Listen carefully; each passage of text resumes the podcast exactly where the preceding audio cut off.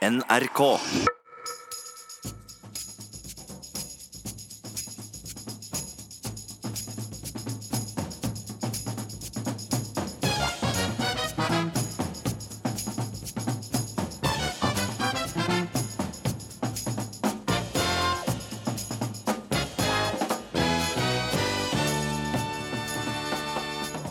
Høyre har akkurat sagt ja til eggdonasjon i Norge. Det var en følelsesladd debatt på landsmøtet. Og denne uka fikk vi alle så hatten passa. Det er jo faderullan ikke noen sørfra som aner hva dårlig vær er, og det provoserer meg grenseløst. Er de tidligere så barske nordlendingene blitt en gjeng sytere? En forbaska søring som meg tar gjerne den debatten. Og da han satt på Stortinget, var han dommer i missekåringer. Liker du pupper store og faste, eller eh, bløte og Jeg tror ikke det finnes noen regel for det. Nybakt justisminister Tor Mikkel Wara likte å provosere som ung, men nå angrer han. Masse. Det er masse har jeg angra på av de tingene jeg har gjort. Velkommen til ukeslutt, hvor du også vil få tips fra veterinær Trude Mostu om hvordan du oppdrar en hund. Jeg heter Daniel Eriksen. Men akkurat nå avholder Høyre sitt landsmøte på Gardermoen, der partiet endelig har bestemt seg for om de er for eller mot eggdonasjon, surrogati og assistert befruktning for enslige. Det har vært stor splid i partiet rundt eh, disse sakene. Det har blitt kalt et veivalg. Politisk reporter i NRK Katrin Hellesnes, du står på Gardermoen. Hva har Høyre bestemt seg for? Eh, de har altså, som du sa innledningsvis, gått inn for eggdonasjon. Og det har landsmøtet gjort eh, mot en samla partiledelse. Både Erna Solberg, Jan Tore Sanner og Bent Høie, altså nestlederne, var mot dette. Men landsmøtet har gått inn for eggdonasjon. Det er også flertall for eh, assistert befruktning til enslige, mens Høyre fortsatt går mot surrogati. Det ble avholdt en debatt om dette. Hvordan var følelsene i den debatten? Det var mye følelser, men jeg vil si det var både fornuft og følelser. Mange har understreket at det var vanskelig, altså at dette er vanskelige saker. Det er mange hensyn å ta. Flere har tvilt seg fram til et uh, standpunkt. Dette spørsmålet om eggdonasjon har dominert uh, debatten helt. Uh, det har vært argumenter for om likestilling, som har vært viktig. Altså I dag så kan par får hjelp hvis mannen er årsak til barnløsheten med sæddonasjon. Men hvis kvinnen ikke har egg, så finnes det ikke tilbud, og mange drar til utlandet. Motstanderne av eggdonasjon de har pekt på at eh, det bryter med at det er kvinnen som føder, som er barnets mor. Og de har vist til hensynet til barnets trygghet og rett til å kjenne sitt opphav. Og akkurat det argumentet fikk bl.a. Dina Solbakken fra Unge Høyre til å ta til motmæle. Som adoptert så vet jeg hvordan det føles når folk spør meg om jeg vet hvem mine ekte foreldre er. Og det er kjempelett for meg å si at mine ekte foreldre er de jeg har vokst opp med hele livet, og som har vært der for meg i barndommen. Der fikk vi høre litt fra debatten. Jeg vet at du har med deg noen som er veldig fornøyd med denne avgjørelsen. Tina Brus, som er leder for eh, Høyres kvinneforum, sitter her. Ja, og hun har kjempa lenge for å tillate eggdonasjon. Så jeg kan spørre først, hvordan har du det nå? Nei, nå er jeg jo veldig veldig glad eh, og litt letta, for du vet jo aldri. Selv om eh, vi trodde på forhånd at det kanskje gikk mot et flertall, så kan man jo ikke være sikker før man faktisk ser at det er der. Så det er veldig godt. Altså, Høyres kvinneforum har jo jobbet nå helt siden landsmøtet i fjor, hvor vi utsatte dette spørsmålet, med å prøve å sikre et flertall. Eh, men vi har hatt en veldig grundig og god prosess i partiet. Og jeg tror òg at den lange prosessen har gjort at uh, flertallet var større nå enn det det hadde vært om vi hadde hatt en votering uh, i fjor. Men hvorfor har denne saken vært så vanskelig for partiet? Jeg tror det er fordi at alle sånne etiske uh, og verdimessige spørsmål er vanskelige. Altså det handler ikke bare om at, at det er Høyre dette er spesielt vanskelig, men jeg tror det er vanskelig for alle mennesker. Fordi det rokker ved, ved følelser og, og verdier som man har som enkeltmenneske. da. Og Høyre er jo et parti som både har mange som identifiserer seg som konservative, men vi er òg ganske mange som ser på seg selv som veldig liberale. Så du har liksom, i utgangspunktet to veldig ulike fløyer i partiet som skal prøve å forenes. Takk skal du ha, Tina Bru. Og takk skal du ha, Katrin Hellesnes på Gardermoen. Hva tenker du om hvordan nordlendinger blir fremstilt i media? Nei, Når jeg ser det, så virker det som vi, vi blir fremstilt litt som dumme og naive. Jeg er nordlendinger! Nei, jeg syns at eh vi er tøffe, tøffe folk, og vi er livlige og glade. Og... Så du har ikke inntrykk av at vi er litt sutrete? Nei, ikke i det hele tatt. Noen kanskje, men, eh, men ikke Nei, ikke jevnt over. Jeg er veldig fornøyd med nordlendinger. For det blir jo mye skitsnakk og måtte mokke fram bilen og ditt og datt. Vondt og jævlig. Men det er nå spesielt sutrete, vil jeg si. Det tror jeg. Liker du alt som er sprøtt? Kan du beherske deg sånn som meg. Det er jo faderullan ikke noen sørfra som aner hva dårlig vær er, og det provoserer meg grenseløst. Flere veier i Nord-Norge eh, bygda er i kveld stengt pga. Eh, skred og skredfare. Mot slutten her hørte vi en forbanna Ingrid Evertsen, bedre kjent som Mossa, og NRK-programleder Iselin Fjell som kalte hele Nord-Norge for en bygd. Det er jo ikke riktig, og det var dårlig timing, for mange nordlendinger var allerede kraftig provosert. I påska fikk noroviruset som herja noen turisthytter i Sør-Norge mye mer oppmerksomhet enn stengte veier og ekstremvær i nord. Journalistene tok stadig feil av fylker og tettsteder, og da vår kollega kalte hele Nord-Norge for ei bygd, rant begeret over. Men alle som ble sure eller holdt narr, fikk så hatten passa av politisk redaktør i avisa i Tromsø denne uka. Martin Lægland skriver sitat Det nordnorske hardsinnet er i ferd med å dø ut. Vi er, ferd, vi er blitt lettkrenka og humørløse. Det var dårlig lest, men Martin Lægland, det er tydeligvis fra sine egne en skal ha det. Hva var det som fikk deg til å skrive denne kommentaren? Nei, det var at uh, Gjennom hele påsken så kunne vi lese artikler i uh, lokalpressen om uh, ikke det hvor vanskelige værforholdene var, eller hvordan ekstremværet var, men hvor lite press vi fikk sørfra. Det var Nesten daglig dukka det opp artikler om at folk som var fortvilt over at man dekka magevirus på Hardangervidda. og Hvorfor kommer dere ikke å dekke oss her i nord, vi har det jo så grusomt. Du skriver at den kollektive selvfølelsen har fått seg en knekk. Hvordan merker du det? Nei, det var fordi at vi, vi fremsto som en, en, gjeng med lettkrenka bæshyse. Nå tror ikke jeg at det er sånn for den generelle nordlendingen, det var, men det var noen meningsbærere som ropte veldig høyt. Så var det en del lokalaviser som, i Finnmark og Nordlys som leda an det her den utrolig slappe mediekritikken mot, mot, riksmedia. En av de du nevner i det du har skrevet, er Jan Olsen, som sitter i kommunestyret for SV i Nordkapp kommune. Du er den som satt innestengt av ekstremvær på de og stengte veier. Du skrev et Facebook-innlegg om at dere ble nødt til å skite dere ut for å få hjelp. Hva var det som fikk deg til å skrive det? Nei, det var, Jeg satt om morgenen og ventet på Hurtigruta som var forsinka. Så satt hun og fikla der på Facebook og internett. Og så så jeg det kartet over påskefjellet sørafor, hvor det var markert eh, hvor folk hadde vondt i magen. og tenkte Det der ligna veldig på kartet over eh, stengte veier i Finnmark. Så sammenlignet dem. og Jeg tok skjermdumpa dem og lagde, og lagde en litt artig deling. og Den, den delinga der den begynte å leve sitt eget liv. Og, og, Den må jo ha rørt noe med noen, for noen syns jo det var jækla artig, det der. Han det kanskje tok i på det som eh, Martin sier der. Men eh, nå høres, nå, unnskyld, nå høres jo veldig sindig ut, men eh, var du litt sint og irritert der? For den, det bærer litt preg av det på Facebook, eller var det bare litt humor? Nei, jeg er ikke sånn som blir sint og irritert for sånne ting. Det var, det var rett og slett ei artig deling som eh, pga. at Hurtigruta var forsinka den morgenen, så jeg satt og delte så. Men nå mener jo Martin at dere sutrer. Føler du deg truffet? Nei, jeg gjør ikke det. altså. Det, han, han, han kan jo ikke kjenne de folkene som jeg kjenner, i så fall. Og, men jeg har jo også tenkt litt mer på det her, at det er jo en sånn sentrum-periferilinje her. hvor sentrum har lett for å kalle periferien sine problemer som de ikke anerkjenner eller kjenner igjen, for sutring. Og, og det er liksom hele, da, da er, det er greit nok. Og så får man høre at dere har sjøl bosatt dere der. Så det må dere bare tåle. Dette er jo sånne regler som ikke gjelder for andre problemer, og slett ikke sentrale strøk. Hvis det er noen i sentrale strøk som har et problem, så er det jo aldri liksom svaret på det at ja, ja, du har sjøl valgt å bosette deg der. Martin, du er, du er, jo med oss fra et sentralt strøk i og med at du dekker landsmøtet til FPU i Tønsberg.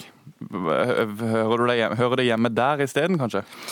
Nei, altså nå, nå hører du med til historien at Tromsø, som jeg dekker, er jo Vi hadde jo også innesperra bygder og isolerte veier. Så det er jo ikke sånn at eh, vi i Tromsø sitter og mener masse om hva som skjer i Finnmark. Jeg snakker om, om hele Nord-Norge. og Ehm, jeg skal ikke si at, altså, at man Jan Olsen prøvde å være morsom på, på Facebook, så uh, det må vi jo fortsette med. Vi skal Det ha det artig. Ja, ikke sant? Men eh, det, det kan man godt si. Og, og jeg sier ikke at det, det ikke fungerte, men jeg sier når da pressen begynner å ta det opp, altså enkelte aviser kjører det opp og sier at nå må man skjemme seg i riksmedia for at man ikke forstår noe om Nord-Norge, så tar man på seg en sånn påtatt offerrolle som er veldig usjarmerende. Ja, ja, men det er jo også et spørsmål om det kanskje ikke er pressen som uh, syns at det her er greier. Og Jeg tenkte òg når jeg så det her eh, innlegget ditt, at det var noe kanskje mer klikktisere enn noe annet. For det sparska jo i alle retninger. Det mangler egentlig en ordentlig tråd og gjennomføring. Så det tar, tar med veldig mye, det der. Så Ja, det, var liksom, det var som en vase. Man vet ikke hvor man skal begynne å greie det når man skulle kommentere det. Så når jeg kommenterte det igjen senere, så ble det et veldig lang kommentar på det. Men så, må vi, men så må vi også huske at uh, Martin han bor jo i Tromsø. Og det er jo den plassen hvor ting fungerer i Nord-Norge. Nordens Paris, har jeg hørt, Martin. Ja, men altså, det, er jo den, det er jo den plassen hvor ting fungerer i Nord-Norge. Det bor like mange mennesker i Troms omtrent som det bor i hele Finnmark og i hele resten av Troms. Så, så i selve Tromsø, det eneste problemene de egentlig har, da diskuterer å diskutere hvor E8 inn til Tromsø skal gå. Hvor den nye brua over Sandnesundet skal gå. Altså, alt, alt annet tar de for gitt. Martin sånn, er det ikke, sånn er det ikke i distriktene. og Det gjelder hele landet, og ikke bare i Nord-Norge. Martin Legeland, er det sånn at du ikke aner hva du prater om her? Men ikke sant, det her er jo den der påtatte offerrollen som jeg mener vi må til livs, om at det er ingen som skjønner hvor fælt vi har det. De skjønner det ikke i Oslo, de skjønner det ikke i Tromsø. Det er ingen som forstår hvor utrolig grusomt det er å bo i Nord-Norge. Og Ingrid Evertsen hun påsto jo, som vi hørte tidligere, at det, det er ingen, ingen i resten av landet som vet eh, hva dårlig vær er. Som om de på Vestlandet aldri har eh, vært borti dårlig vær. premisset er galt når du legger den sida til. For det blir jo som at man skal ikke kunne påpeke et problem hvis man er fra distriktene. Og særlig et problem eller noe som alle de andre tar for gitt. At det, det funker ikke her. Så blir man framstilt som besatt eller sytatt.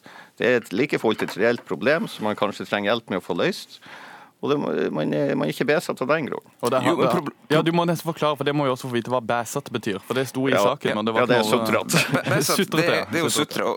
Det jeg kritiserer her, er jo den her sutringen om at vi ikke kom på rikspre i, i rikspressen, og man ikke fikk, eh, fikk dekning på Ja, det er jo ikke Dagsrevyen. folk som bryr seg om men- det. Det er jo media og politikere som bryr seg om det. Martin. Legland skal få snakke ferdig. Ja, men problemet er at det stemmer jo ikke engang. Eh, det dårlige været i Nord-Norge var eh, toppsaken på, på Dagsrevyen tre ganger på ei uke. Vi fikk masse mediedekning fra eh, både store, store, riks, eh, både store avisen og av, eh, av Dagsrevyen. Så skal ikke jeg sitte og forsvare og si at alt er så fortreffelig i rikspressen, for det er det ikke. De gjør mye feil. De legger ned eh, lokalkontor i VG i Tromsø, man reduserer ressursene til TV 2. Det er mye som er feil, og vi må Nå er, hele, nå er ikke hele media her for å forsvare seg. Jan Olsen, du skal få komme til orde, du også. Ja, men det, det er jo også sånn at det er jo ikke alt som er interessant for, for hele landet. At det er en og annen, eller at veiene er stengt om vinteren på Finnmarka og eh, enkelte plasser i Troms, og Kvænangsfjell og sånne ting. Du- Det, det er ingen riksnyhet. men og, og, og det kommer det heller ikke på riksnyhetene. Og det er heller ikke det noe særlig interesse for resten av nasjonen at noen har vondt i magen på påskefjellet. Men sånn som det her tilfellet, hvor veiene først var stengt, altså alle veiene inn, til, inn og ut av Nordkapp var stengt, eller inn og ut av Honningsvåg var stengt først i fire dager, og så i ni dager. Så ja, det er jo ganske ekstremt. Det har ikke skjedd før. Så, så sånn sett er det en nyhet. Så, så, sånn at det, det, det er ikke helt legitimt å si at folk ber seg for de ikke kommer på nyhetene for at veiene er stengt. Ja, Legland, jeg sitter med det kartet, på, eller den Facebook-posten til eh, Jan Olsen foran meg nå. Det er markert eh, fem-seks stengte veier, men eh, kanskje Ja, var- 12-13 sånne DNT-hytter. Skjønner at man blir litt provosert Ja, men- når det er så mye fokus. nei, men altså, det var ingen som ble provosert av det fokuset der. Det var bare, det var bare Martin- artig sammenligning. Ja, jeg forstår. Martin, du skal få lov til å svare på det. Ja, nei, Selvfølgelig skal man dekke begge deler, og det skjedde jo. Det var rikelig med dekning av både værforholdene i eh, Finnmark og eh, Så planlegger folk å dra på påskefjellet i, påsken, og da må man jo vite om det er et magevirus som går. Eh, Poenget her er jo at Men trenger man å få vite det på, på forsida av VG, Aftenposten, NRK, Dagbladet? Det får folk lov til å ta en helt egen redaksjonell vurdering på. Det legger ikke jeg meg opp i det hele tatt. Poenget mitt er bare at vi får eh, nok dekning. Eh, eller det, det blir feil å si. Vi får, i, I denne saken fikk vi nok eh, dekning sørfra. Så når vi da på en måte går ut og har daglige saker om at riksmedia må skjemmes, og at vi blir utrolig krenka for at noen presterer oss i Nord-Norge-bygda, da fremstår vi like tynnhuda som de søringene vi liker å gjøre Nå er, det jo, av. nå er det jo sånn at folk elsker det her uttrykket Nord-Norge-bygda. Og, og eh, det er jo eh, det er jo, det er jo bare Det er jo foreslått at hun eh, Hva hun heter hun? Iselin Fjell? At hun burde være en skytshelgen for Nord-Norge-bygda. Ja, kanskje det kan være nytt Sånn navn sånn på det nye storfylket, Som blir man enige om noe. på en måte, Bare kalle det Nord-Norge-bygda isteden. Så, så, så det, det, er jo, det, er jo, det er jo så jækla bra. Men at, at uh, uhell, når vi leser hva som egentlig skjedde der, så er det jo forståelig at det ble sånn. Jan Men, Olsen- men man har jo visse krav til at eh, faktisk riksmedia og journalister som er godt utdanna og har, skal ha hodet på rett plass, uh, setter seg inn i ting og formidler det på rett måte. Ellers så bærer det jo galt av gårde. Da skal du få siste ord, Jan Olsen, for jeg vil gjerne spørre deg om det, i og med at jeg er så godt utdanna og har hodet på rett plass. Er det et lite søringhat, eller er det bare noe man tror? Nei, det er også en myte som søringene liker å uh, dyrke fram. Da kommer vi til bunns i det. Jeg må nesten spørre deg, Legland, nå. Fins det et Søringhatt? søringhat? Eh, Nei, det er bare gleden over å raljere med søringene. Og skal vi gjøre det, så må vi tåle at vi raljerer litt med oss sjøl også. Jan Olsen, Martin Legland, takk for at dere kom til ukeslutt. Uka har vært prega av en ny ansettelse i regjeringen. Innenfra sidelinjen, innenfra sidelinjen kom Tor Mikkel Wara. Og ikke før den nye justisministeren viste seg på Slottsplassen sammen med Erna Solberg, starta gravinga i gamle uttalelser om innvandring, kundelister fra PR-bransjen, og for ikke snakke om det virkelig store spørsmålet hva heter han egentlig? var han med enkel V eller dobbelt V? Men visste du at landets nye justisminister var en ung politisk nerd og forkjemper for mistekåringer? Reporter Andrea Kvamme Hagen har gravd enda litt til. I det øyeblikket jeg går inn som statsråd, så har jeg ingen bindinger til First Ingen bindinger til noen av de kundene der. Har du hatt kunder der du nå trenger å få vurdert habiliteten din innad i Justisdepartementet? Så langt har jeg ikke gjort det. Men nå skal det også sies at jeg skal jo sette meg ned med Justisdepartementet og se på sakene.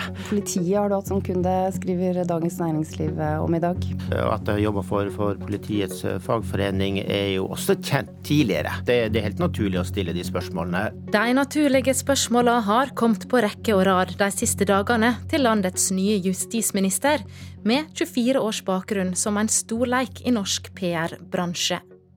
Men vi skal spole nesten 30 år tilbake.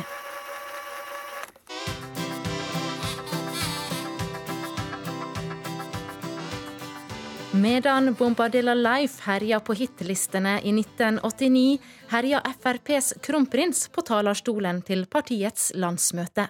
Det er et spørsmål Petter har. Bryd hodet med. Han går til far og spør Vet du hvem Harlem Brundtland var?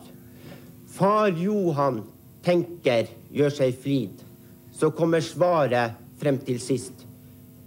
Politiker. Hun levde visst på Carl I. Hagens tid. Med slike talegåver har han fått legendestempel. Men hvor kom engasjementet fra? Vi spoler enda lenger tilbake. Tor Mikkel Wara vokste opp i Vadsø og var ungdom der på slutten av 70-tallet. Rådmannen i byen, Jens Betzy, spilte fotball med Vara som ung, og forteller om en lagkamerat med spesielle interesser. Han ble jo veldig tidlig et politisk menneske. Altså, når vi andre etter fotballtreninga gikk hjem og eh, gjerne så på TV eller gjorde andre ting, så gikk han på politiske møter, kommunestyremøter, og fulgte dem nærmest som eneste tilskuer utover ettermiddagen og kvelden. Det høres jo nesten litt uh, nerdete ut. Hva tenkte dere andre ungdommene om det? Jeg tror ikke vi tenkte så mye. Jeg tror ikke vi egentlig forsto det i det hele tatt. Det der måtte ha vært en helt spesiell interesse. Vi visste vel egentlig ikke at det var kommunestyremøter, men det visste han.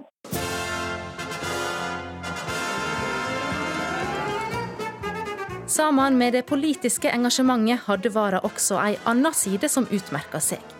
Mange vil nok si at sirkushesten denne veka kom tilbake i manesjen. For han gikk ikke av veien for å lage litt show, som når han stilte opp som dommer i Frøken Norge-kåringene. Liker du pupper store og faste, eller bløte og Jeg tror ikke det finnes noen regel for det. Eh, Jeg liker eh, vakre, pene jenter. Det gjør jeg.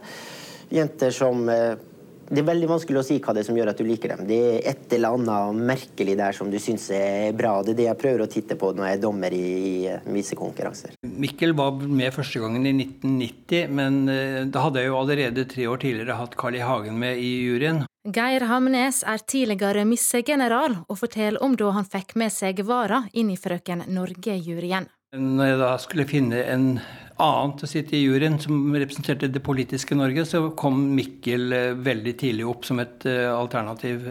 Og slikt ble det debatt av.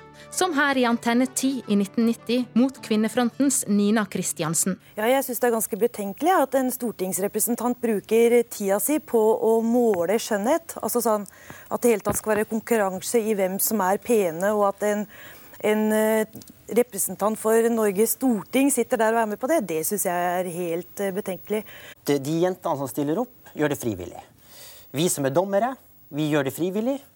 Publikum som ser på, gjør det frivillig. Mikkel var ikke redd. Han, eh, han sto for sine meninger, og, og, og, og, han hadde ikke noe betenkeligheter med å være med her den gangen. Men Mikkel var, som mange av de andre som har vært med i juryen, førsteklasses spokespersons for, for, for konkurransen, og, og, jeg er jo kjempeglad for det bidraget. Så forlot det politiske talentet kronprinsen sirkushesten manesjen.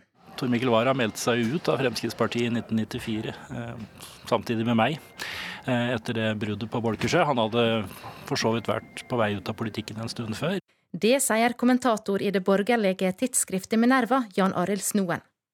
Bolkesjø, omdøpt til Dolkesjø, var et av de mest dramatiske landsmøtene i historien til Frp. Vara og flere andre ønsket en mer liberalistisk retning for partiet enn det partiformann Carl I. Hagen ville. Og de tapte. Mange meldte seg ut i protest.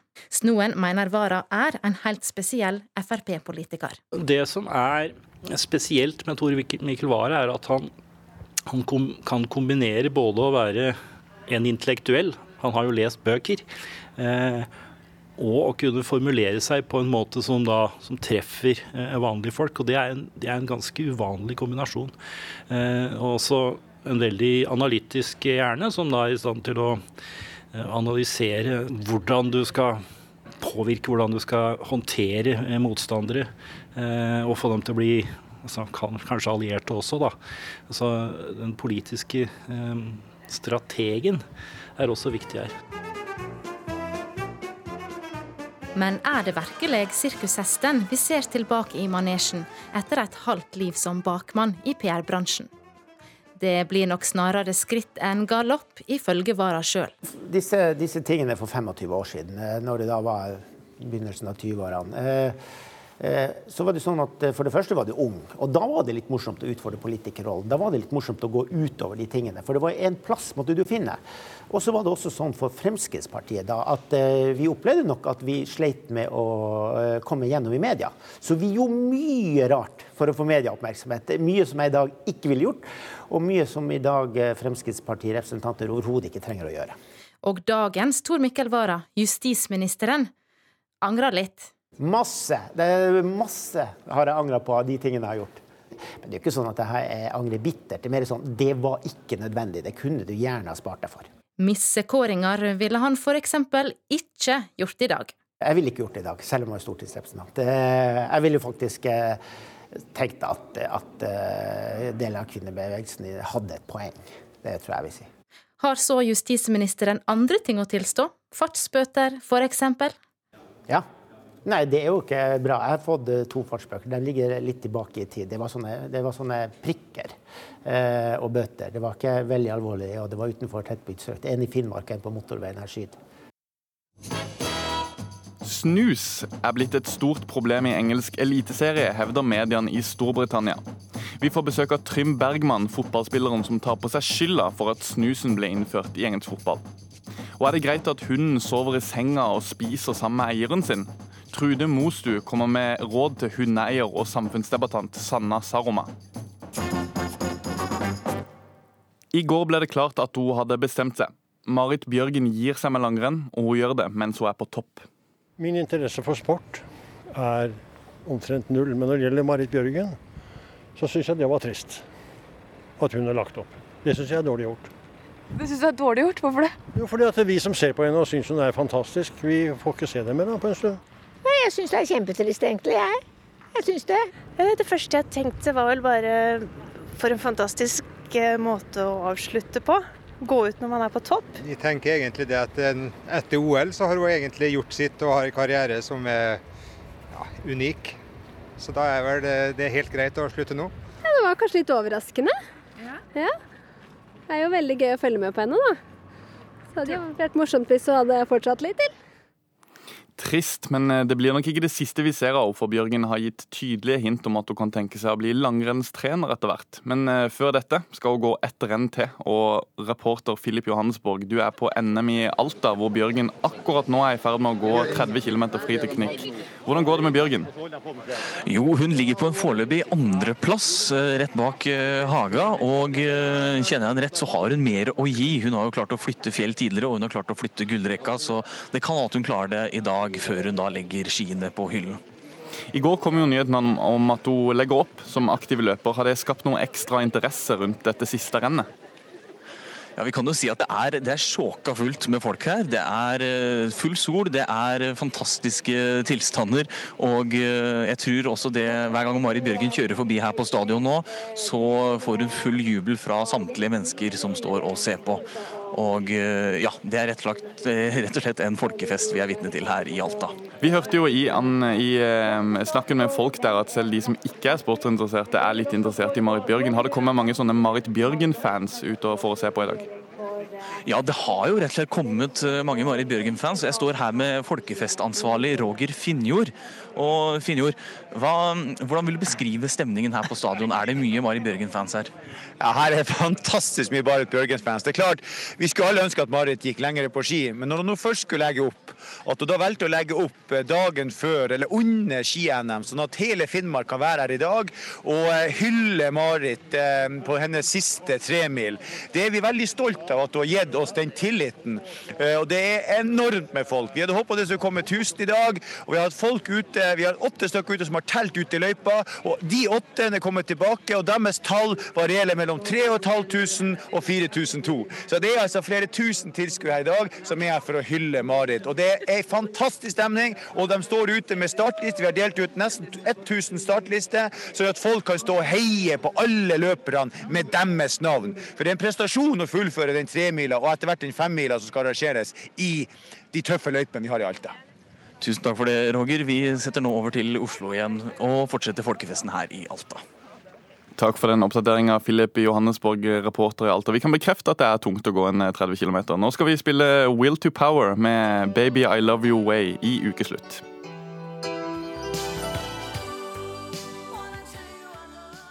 Bruken av snus har eksplodert i den engelske toppdivisjonen i fotball, Premier League. Det skriver avisen Daily Mail. Bilder av brukte snusposer som ligger og slenger rundt innbytterbenken etter kamp, har fått avisen til å rope alarm, spesielt etter at landslagsspiller Jamie Vardy ble tatt bilde av med en snusboks i hånda. I hans klubb Leicester får man bot på 100 000 kroner for å bli tatt med én snus. Og det er vi nordmenn og svenskene som får skylda for å ha forderva engelskmennene med snus. Trym Bergman, tidligere eliteseriespiller og toppskårer i eh, Kongsvinger. Da du var på prøvespill i Sheffield United og Bolton i 1999, snuste du en god del. Eh, var det du som tok med snus til engelsk fotball? Ja, det kan vel nesten eh, virke som det nå. Det har vært tatt helt av nå, selv om det var ikke mange som visste om det når jeg var der i 99 i hvert fall. Det knytter seg en litt spesiell historie til akkurat denne snusinga. Jeg har snakka med flere tidligere landslagsspillere denne uka som har bekrefta denne historien for meg. Du må nesten bare fortelle denne historien. Ja, da, jeg kan vel ta det sånn kort. Det var vel etter 99, når jeg var ferdig med kontrakten i Kongsvinger, så tenkte jeg å dra en tur til England for å bare for å prøve litt eh, hvordan det var å spille der. Eh, jeg var jo i Sheffield United og, og, fikk muligheten der, og gikk for så vidt ganske greit i den kampen der. sånn, og Bolten var jo der og så, og ville jeg skulle komme ned og spille litt for dem òg, da. Men den kampen var jo ikke før om det var to dager seinere, og da ble jeg jo boende i Sheffield United. Og så når jeg kom ned i, til Bolton da, eh, og presenterte meg, og da var de litt sånn annerledes, fordi engelskmennene er jo høflige. Det har jeg fått oppleve, i hvert fall. Eh, så var det jo mer Spurte hvem Trym det var, og så fikk jeg jo avtalt at jeg skulle dit og, og spille, og ble introdusert for garderoben og spilte en kamp. og Skårte et mål og la opp til etter det andre, og så ble jeg bytta ut i pausen. og så skjønte jo ikke jeg hva dette gjaldt for noe.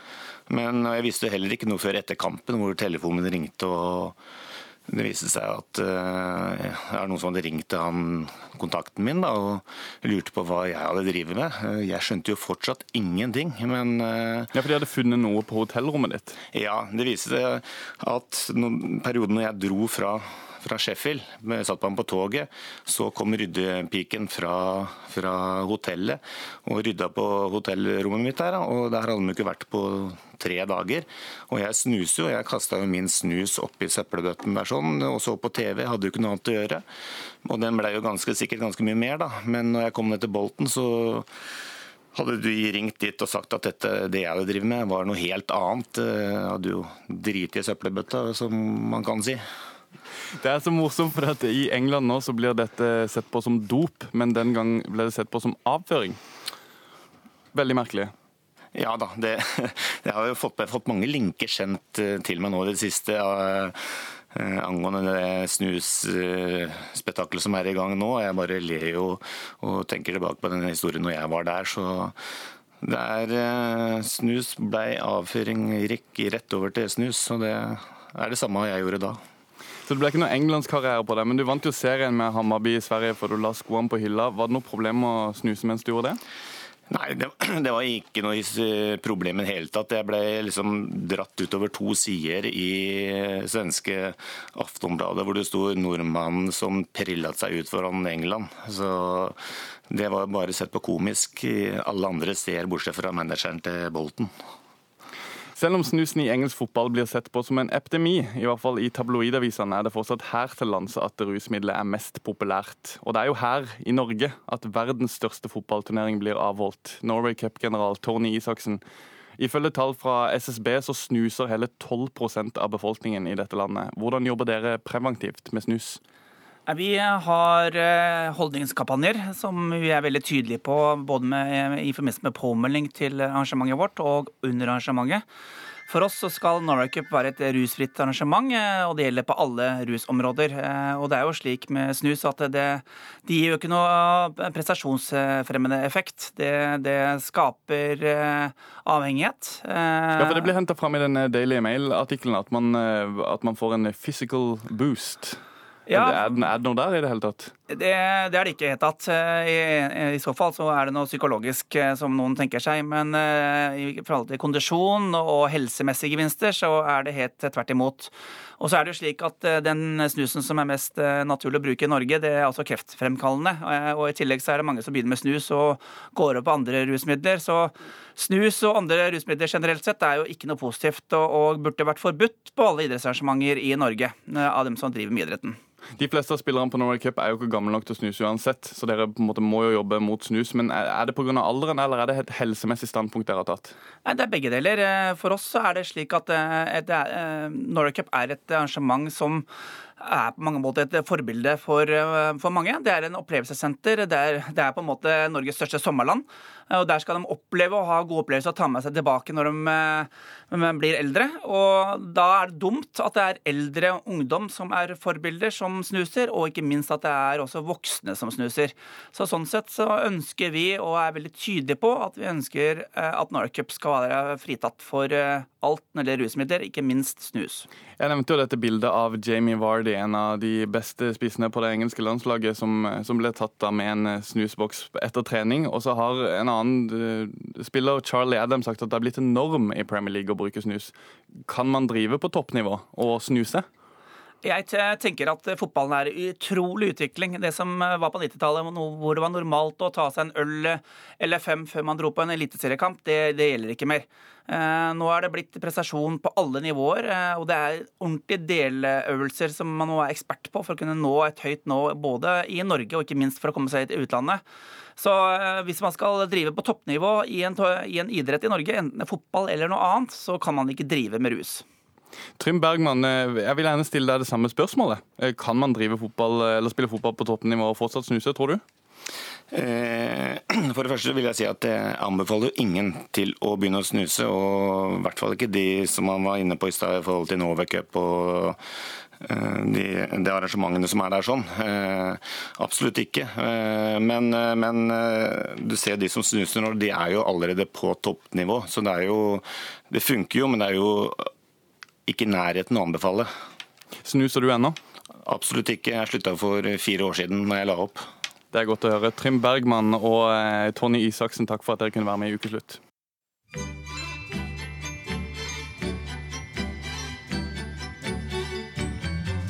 Hvem er det som eh, bestemmer hjemme hos deg? Er det hunden, eller er det deg?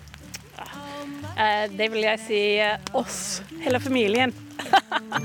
Det er jeg som bestemmer hva jeg får lov til å gjøre og ikke gjøre. For annet ikke ligge i sofaen hvis ikke jeg sitter der fra før. Nei, ikke spise ved bordet. Men eh, om de sover, eh, ikke i senga, men i hvert fall i, eh, i sofa, så gjør ikke det noe. Ja, Det viktigste er jo lydighet. Men eh, har du tro på en eh, streng hundeoppdragelse? Absolutt ikke. Tvert om. Vi skal gjøre det på deres nivå. Vi skal skjønne det språket de har, på deres nivå, og ikke på våre.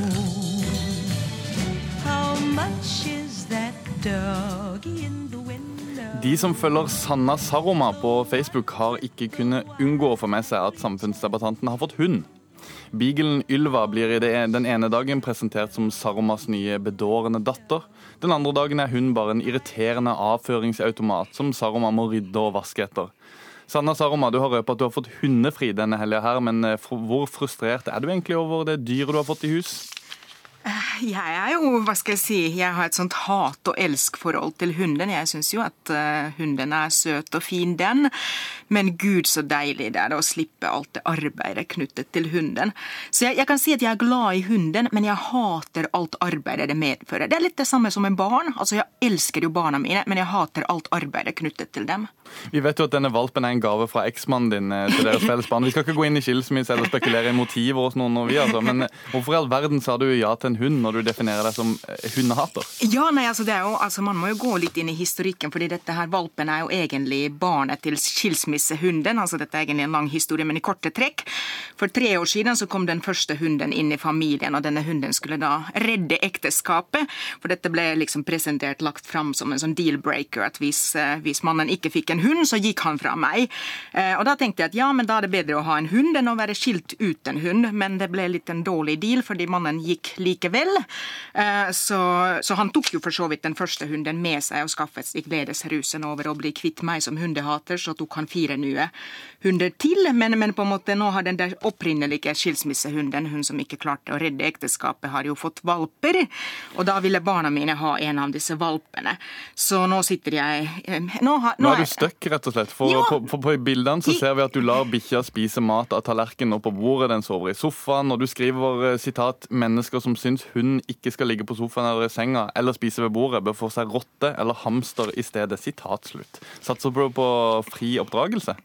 Altså, jeg er så, jeg er så lat, eller, jeg, eller hva skal jeg si, at, at jeg, jeg har liksom ikke overskudd til å oppdra den hunden, for jeg føler jo fortsatt at jeg har mer enn nok med tre barn. Så derfor er er det blitt sånn at ja, hunden gjør hva hunden vil, eh, og barna gjør hva de vil med hunden, og det er jo de som sturer og, og steller, så det, er, det blir litt sånn deres løp. Det er, det er både morsomt og provoserende å følge med på Saromas eh, motvillige hundehold. Og Trude Mostu, du er veterinær og hundebokforfatter. Hva tenker du om Saromas eh, vi får kalle det manglende dressur av den beaglen hun har? Nei, jeg må si jeg sitter og gliser rått her. Jeg er firebarnsmor selv, og jeg kjenner meg igjen i veldig mange ting her. Jeg burde vel kanskje være her inne og komme eh, med pekefingeren, og, men jeg har full sympati for eh, hvordan du føler det. For det er jo kjempetøft å ha valp. Valp er den tøffeste tiden eh, når man har hund. Jeg kan trøste deg litt grann at det blir litt bedre. Men, og jeg, jeg skjønner jo at du tar de valgene du tar. Når er det det blir bedre? Ja, det kan du si.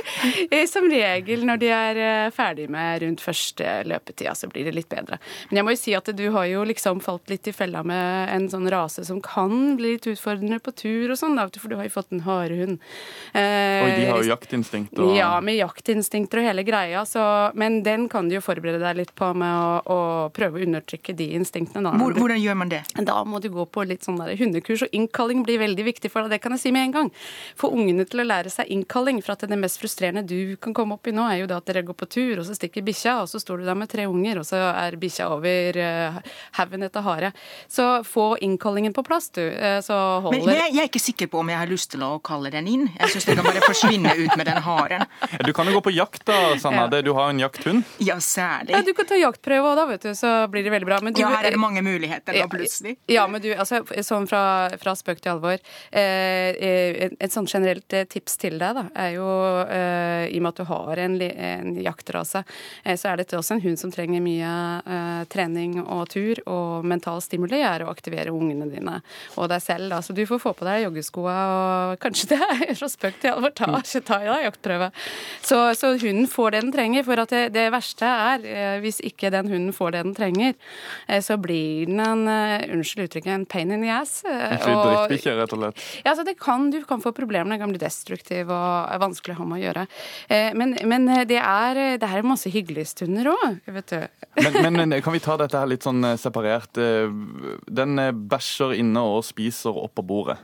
Eh, ja, hva, det, hva, kan man gjøre jo, med dette? Altså, dette er jo en valp, så dette med å bæsje inne og bli husren, det, det er liksom med, med valpetiden. Eh, og det ordner seg til slutt, eh, bare man er konsekvent og gjør de tingene man skal gjøre. Hva med å sove i senga, da? Eh, jeg syns Altså, vet du hva, dette her jeg har tenkt på jeg, før jeg kom på nå, at noe jeg, syns at folk eh, i utgangspunktet skal få gjøre akkurat hva de vil eh, når det gjelder valper. Og, men det som er viktig å huske, er at eh, alle hunder, uansett rase og kjønn, egentlig, de kan reagere litt forskjellig over lengre tidspunkt hvis de får sove i seng og på sofa. For du kan være uheldig at du kan få en alfahund som da kan begynne å knurre de andre ut av senga. Så hvis du har en ektemann, men det skjønner jeg du ikke har, så, nei, nei, nei. så det er ikke et problem. Men jeg har jo vært ute for situasjoner hvor da eh, hundene har begynt å knurre ektemannen ut av senga fordi de er for dominante. Men uh, disse ty type tingene som du lar hunden din gjøre, det er i utgangspunktet helt greit, men du skal være litt forsiktig når du begynner å løfte på leppa og skyve ut ungene og andre. Uh, det er sånne problemer du kan komme ut for deg med dominante hunder. Så, og det kan du få med alle typer raser, um, veldig ofte med hannhunder. så hvis du har hannhund, så er det bare å få Nei, dette, dette er en tispe. Ja, de er i utgangspunktet milde og fine. Så det skal nok gå bra, dette her. Så det er opp til hva du vil ha, hvor du vil ha håren den. vi hadde òg hund da jeg var liten. Og det er veldig, da var det veldig mye snakk om hvor på rangstigen denne hunden skal være. Det er mange som snakker om det, at hunden skal være nederst på rangstigen, det skal være ja. midten, eller Er det noen rangstige på alle Ja, altså i utgangspunktet så er jo dette hunden som en, en, en dyreart er jo et flokkdyr. Eh, så de er vant til å tilpasse seg i en flokksituasjon. Sånn som oss mennesker? Eh, ja, faktisk. Vi er også litt flokkdyr. Eh, men det betyr også at det er noen da hunder som er mer ledertyper, og som vil ta mer styring enn andre. Så da ut fra et valpekull og, og fra en gjeng med mennesker, så finner du eh, alfamennesker, alfahunder. og får du en sånn alfahund, så kan den bli litt mer utfordrende. Og det kan faktisk også være en tispe. Eh, men det vil ofte oppdretteren eh, ha en peiling på når de eh, foreslår en valp for deg. Eh, eh, om en alfahund passer deg og din familie. for det er klart, skal du være, er du en, en manns, eller f.eks. om du skal ha en brukshund, en politihund, så er det kanskje greit at du har en hund som har litt mer kraft og futt og lederegenskaper. Kanskje, og da har du mer utgangspunkt for å kunne håndtere en sånn hund også. Sanna Saroma, du, blir du klok på dette? ja, nei, jeg syns dette høres veldig fornuftig ut og, og helt, helt, sikkert riktig. Men, men, det er litt sånn, det er noe med liv og lære. altså at det er, det er egentlig ganske mye å sette seg inn og, og Hvis man skal liksom begynne å ta dette på alvor, dette med å ha en hund, så er det jo veldig mye man må tenke på. Veldig, og, og hvis, Jeg ble jo helt svimmel av liksom jaktprøve og, liksom, at, at, liksom, at, at, liksom, jeg har ikke sagt ja til alt dette her. Du er, vant, du er jo samfunnsdebattant, så du er vant til vanskelige spørsmål. Du kan få et sånt ja-nei-spørsmål. Det er ikke helt ja-nei, men det skal være enkelt å svare på. Hvem er det som bestemmer hjemme hos dere? Er det deg, eller er det hunden? Jeg tror det er, sånn, det, er, det er det samme som å spørre hvem er, det, hvem er det som bestemmer, jeg eller barna. Det er en sånn kontinuerlig forhandling. altså Det er sånn tra trade-off. En evig maktkamp. Ja, det kan man si. Ja, men det, er- det er jo akkurat det som var mitt poeng også, avslutningsvis. Eh, Det er jo akkurat det. Og hvis du opplever da at eh, den eh, søte valpen din begynner å løfte på leppa og knurre, hvis du skal ta avgjørelser, da er det et problem, og da må du ta grep.